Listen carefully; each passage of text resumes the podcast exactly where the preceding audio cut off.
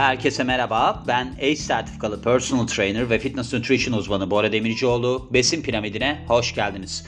Bu bölümümüzde GI'den bahsedeceğiz ve şöyle bir başlık atılmış. Acaba tereyağından daha mı sağlıklı? Konu nereden çıktı? Konu da şuradan çıktı. Can'a aradı geçen gün beni.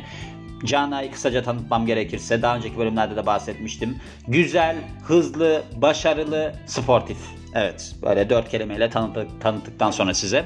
Dedi ki ben dedi giy yapıyorum dedi. Ben ne yapıyorsun dedim. Hani ben şöyle bir şey düşündüm açıkçası. Hani meditasyon gibi bir şey yapıyor herhalde filan diye. Hani içimden dedim ki Allah Allah meditasyonu beni niye arıyor ki? Sonra dedi ki hani dedi giy var ya. Şimdi normal bir Türk refleksinde olsaydım şöyle derdim açıkçası. Evet. Ha derdim. Ama öyle demedim. Dedim ki ben bilmiyorum giyinin ne olduğunu. Hani dedi saf tereyağı var ya falan diye ben bilmiyorum. O dedi ki ben de sana soracaktım. Kısacası dedim yok kardeş bizde de yok yani. Hani yapacak bir şey yok. Sonra da kapattı tabii telefonu. Hani baktı ki bundan bir şey çıkmayacak. Benim de zoruma gitti. Bir süre ağladım. Ondan sonra dedim ki ben dedim bu bölümü niye eklemedim? Niye yok? Niye benim bilgi dağarcığımda bu yok filan diye. Neyse kısacası araştırdım ben onu o zaman. Yaklaşık bir hafta oluyor konuyu konuşalı. Ben onu arşivlemişim ve unutmuşum. Bugün acaba yeni konu ne yapsam diye düşünürken hatta Yasin geldi spora. Yasin dedim ki Yasin giyiyi biliyor musun? Evet dedi biliyorum dedi. Ben dedim ki Bora bayağı geridesin sen ya. Bir de buraya diyorsun ki beslenme uzmanı, fitness nutrition uzmanı bilmem ne. Ya bunları daha bilmiyorsun. Senin daha önünde çok uzun yollar var dedim. Ağladım gene ve şimdi bu bölümü ekliyorum. Şimdi aslında bu ghee denilen ürün yani bu saf tereyağı diyorlar buna işte şeymiş Hindistan mutfağında çok uzun süredir kullanılıyormuş ve bazı insanlar diyormuş ki bu tereyağından daha faydalı. Öyle diyorlarmış yani. Yani böyle bir ek faydaları olduğundan filan bahsediyorlarmış. Ancak şimdi sizin aslında bunu yapmanız bu evde yapılan bir şey genellikle. Giyi yapmanız tereyağına kıyasla tabi daha üstün özellikleri de olabilmekle beraber daha negatif yanları da olabilir deniyor. Yani yan etkileri de olabilir deniyor. Bu makalede de bundan bahsediliyor kısacası.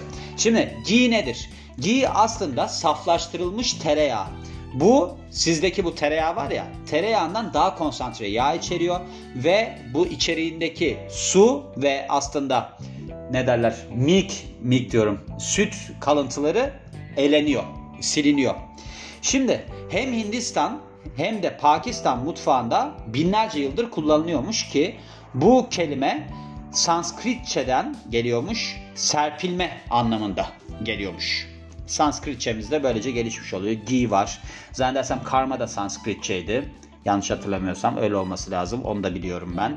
Ve gi bu aslında sıcak havalarda tereyağının bozulmasından korunması için yapılıyormuş. Yani şu anda ihtiyacınız var mı? Yok. Mesela geçenlerde ben şunu düşündüm. Dedim ki ya dedim ben dedim neden kalkıp da 7-8 saat uyuyorum ki? Ben dedim 6 saat. Genelde 6 saat uyuyorum mesela. Bir arkadaşım dedi ki ya 6 saat az. Ben dedim ki hayır aslında şöyle. Mesela geçmişte işte lamba yokmuş, televizyon yokmuş, geceleri kararıyormuş, insanlar uyuyormuş. Ondan sonra da sabah kalkıyormuş. Ama artık öyle bir şeye gerek yok ki. Şimdi burada da giy yapmamıza aslında gerek yok ki. Niye gerek yok? E çünkü zaten bu sıcak havalarda o zamanlar buzdolabı yok bir şey yok bozulmasın diye yapılıyormuş. Ya bu logik bu kadar yani. Şimdi şöyle aslında pişirmenin yanı sıra bu tıp sisteminde de kullanılıyormuş. Alternatif alternatif tedavi vardır ya. Ayurveda ismindeki Hindistan Alternatif Medicine sistemde de kullanılıyormuş. Ve Ayurveda işte bu sistemin adı. Burada da Gritta olarak biliniyormuş. Şimdi sizin bu süt kalıntılarını temizlemeniz bunun yapılırken herhangi bir şeye ihtiyaç duymamanız da getiriyor yanında. Hani böyle bir buzdolabına koyma orada saklama falan filan diye. Ve birkaç hafta boyunca oda sıcaklığında saklanabiliyormuş. Aslında şey coconut oil var ya Hindistan cevizi yağına benzer şekilde soğuk sıcaklıklarda katı hale geliyor. Peki nasıl yapılıyor? Şöyle oluyor. Siz yağ ısıtıyorsunuz bunu yapmak için, giyi yapmak için ve bu sıvıyla süt parçacıklarını yağdan ayırıyorsunuz. İlk olarak tereyağı kaynatılıyor. Burada kaynatıldığı noktada ne oluyor? Bu sıvı kısmı buharlaşıyor. Ve ardından süt parçacıkları şeyin bu penin yani tavanın mavanın altına yapışıyor. Oraya geçiyor. Ve böyle bir altınımsı renge dönüşüyor altınımsı böyle koyu kahverengi gibi bir renge dönüşüyor. Şimdi gözünüzde canlandırma yapıyorum yani. Bakın betimlemelere yer veriyorum burada. Yapmasanız bile anlatabileceğiniz bir noktada. Ne oldu? İlk önce su buharlaştı. Ardından ne oldu? Dibine şey yapıştı. Süt parçaları yapıştı. Ardından kalan bu ghee diye geçmiş yani kalan yağ oda sıcaklığında ılık hale gelene kadar bekletiyorsunuz. Ardından da bir böyle bir hani taşıyıcı kaba falan ne bileyim böyle bir kavanoza falan konulmadan önce süzülüyor. Böyle yapılıyor. Ve demişler ki evde çok kolay bir şekilde yapılır. Bu otla beslenen hani tereyağında. Aynen böyle demiş. Grass fed butter demiş. Sanki tereyağını biz otla besliyoruz. Yani otla beslenen ineğin tereyağı falan. Öyle diyelim biz. Şimdi peki tereyağına kıyaslarsak nasıl bir sonuç çıkıyor? Bakalım. Aslında benzer besinsel özellikleri var ve de böyle mutfaksal kullanımları var. Ancak birkaç fark var. Şöyle. Farklara bakarsak ghee versus tereyağı. Kalori ghee'nin 123, tereyağının 100. Evet. Yağ ghee'nin 14 gram. Bu ne kadar miktarında? İşte 14 gramında. Yani bir çorba kaşığında denilmiş burada. 14 gram üzerinden gidiyoruz bakın. 14 gramında yağ, ghee 14 gram, tereyağında 11 gram. Doymuş yağ, ghee 9 gram, tereyağında 7 gram. Mono doymamış yağ, ghee 4 gram, tereyağında 3 gram. Poli doymamış yağ, ghee 0.5 gram, tereyağında 0.5 gram. Protein ghee eser miktarda, tereyağında eser miktarda, karbonhidrat yine ikisinde de eser miktarda. A vitamini ghee günlük alınması gerekenin %13'ü iken tereyağında %11'i. Vitamin E günlük alınması gereken ghee %3 iken tereyağında %2. K vitamini de ikisinde de %1 günlük alınması gereken miktarın. Ve bunların %100 de ne, neredeyse yağdan geliyor kalorilerin. Şimdi Ghee tereyağına kıyasla daha yüksek konsantrasyonda yağ içeriyor ve aslında bütçük asit yönünden de biraz daha fazla ve diğer kısa zincirli yağ asitleri yönünden de zengin. Ve hayvanlar üzerinde yapılan çalışmalarda demiş ki bu hani kısa zincirli yağlar enflamasyonu düşürür ve bağırsak sağlığını destekler. Aynı zamanda bu ghi'de biraz daha CLA var ya konjugal asit biraz daha yüksekmiş bu da poli doymamış yağ sizin böyle bir yağ kaybınıza sebep olabilir deniliyor. Şimdi mono doymamış yağ omega 9, poli doymamış yağ omega 3 ile 6. O yüzden hani buna yakın duruyor yani. Öyle söyleyelim. Genel olarak ikisinin arasındaki fark son derece az ve sizin sağlığınızı böyle acayip derecede fark ettirir, etkiler gibi bir durumda yok. Ancak ghee bu süt şekeri var ya laktoz. Laktozdan tamamen sıfırlanmış durumda. Neden? Çünkü tavana yap şey tavanın dibine yapışıyordu ya. Yani bir bundan az miktar yani sıfır miktarda bir de süt proteini kazeinden sıfırlanmış durumda. Bu şeyde tereyağında tabii bir miktar var. Ama şu açıdan artı aslında.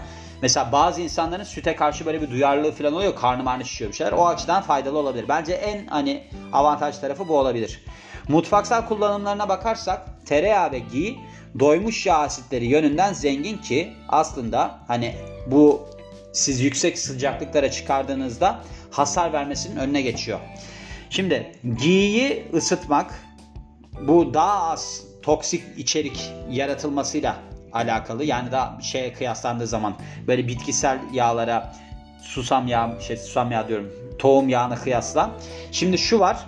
Bu tarz mesela bitkisel yağları falan ısıtırsanız akrilamit denilen bir madde ortaya çıkıyor yandığı zaman yağ. Çünkü yanma eğilimi daha yüksek onların. Akrilamit tehlikelidir.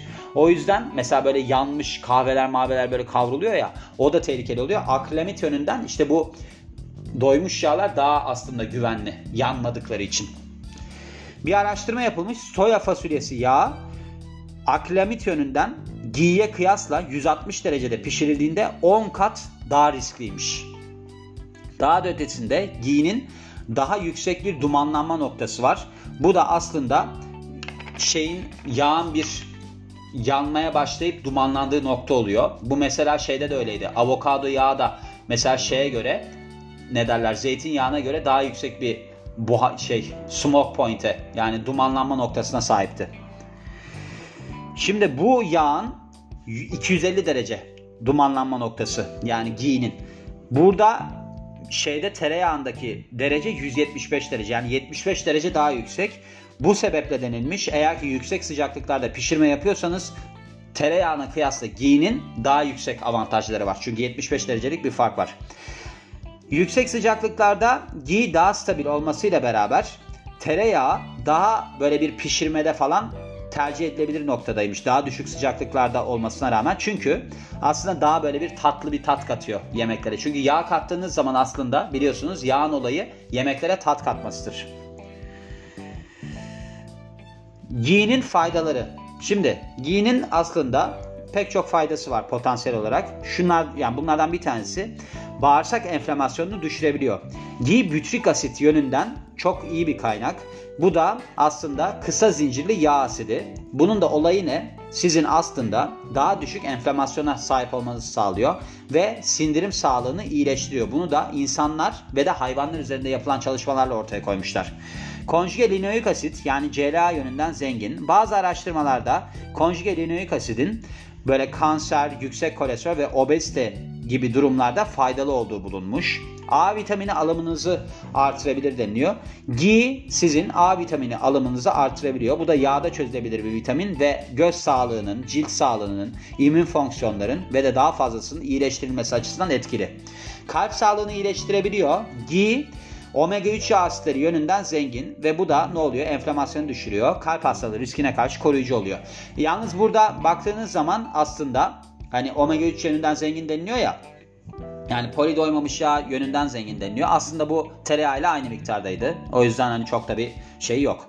Potansiyel yan etkilerine bakarsak. Şimdi insanların doymuş yağ verdikleri şeyler, tepkiler aslında son derece değişken ve LDL kolesterol seviyeleri olan yani bunda kötü kolesterol seviyelerinde artışa meyilli olan insanlarda yüksek doymuş yağ alımı ki bu 1-2 çorba kaşığı olarak yani 14 gramdan 28 gram olarak hem şeyde tereyağında hem de gide riski artırabilecek noktada. Çünkü bunlar doymuş yağ yani. Eğer ki kolesterolünüz yüksekse böyle bir şeyden olumsuz etkilenirsiniz. Başka bir durumsa endişe edilmesi gereken giyinin yüksek sıcaklıklarda üretilmesi. Yüksek sıcaklıklara maruz kalarak üretildiği nokta yani. Burada kolesterol okside, oksidize oluyor. Oxidized olarak geçiyor. Oksitleniyor. Oksitlenmiş kolesterol de aslında sizin pek çok hastalıktaki riskinizi artırıyor. Bunların arasında kalp hastalığı da var. Ve daha eski zamana dayanan bir analize göre okside, okside kolesterol, ginin içerdiği bulunmakla beraber yani bunun içerisinde bulunmakla beraber şeyde tereyağında bu bulunmuyormuş. Yani bu herhalde yüksek sıcaklığa maruz kalarak hani yağdan ve de sudan ayırıyorsunuz ya o noktada ortaya çıkan bir durum. Yani eğer ki böyle bir sorununuz varsa siz tereyağı kullanın. Öyle bir sonuca varıyoruz. Peki giy nasıl yapılır? Hani giy 101 evimizde giy yapmak istiyoruz nasıl yapılır? Hani bir noktada sosyeteye girmek istiyoruz diyelim ki. Çünkü ben girememiştim mesela konuşana kadar kişilerle. Ondan sonra şu anda ben de hani giy, aa ben hep giy tüketirim. Hani aa siz giy, giy bu giy değil mi ya filan. Hani öyle şeyler konuşabileceğim noktadayım. Şimdi şu var. Aslında bunun yapılabilmesi için tek bir bileşen gerekiyor. Bu da tuzsuz tereyağı. İlk olarak 454 gram 1 pound olarak yani 1 pound olarak geçmiş burada. 454 gram tereyağını küp haline getiriyoruz ve bunu böyle büyük bir işte tavaya mavaya bir şeyin içine koyuyoruz düşük sıcaklıkta. Ardından bu tereyağının erimesini izliyoruz ve bu böyle bir hani eridikten sonra ne yapıyoruz? Bunu işte köpüğünden ve süt kalıntılarından ayırıyoruz. Ne oluyor? Bunlar yüzeye çıkıyorlar. 15-20 dakika boyunca pişmesine izin veriyoruz. Böyle artık bu noktada süt, bu sert süt parçaları batmaya başlıyor. Dibe yapışmaya başlıyor ve ne oluyor? Böyle bir altın rengi, kahve altın rengi bir hal alıyor. Ve aslında bu noktada gi böyle biraz koku vermeye başlıyormuş. Böyle bir hani zengin bir aroması varmış. Bilmiyorum hiç yapmadığım için böyle tarif ediyorum ben şu anda. Ve artık olduktan sonra da ne yapıyoruz? Sıcaklığı yani ısıyı ateşi kapatıyoruz ve birkaç dakikalığına dinlendiriyoruz.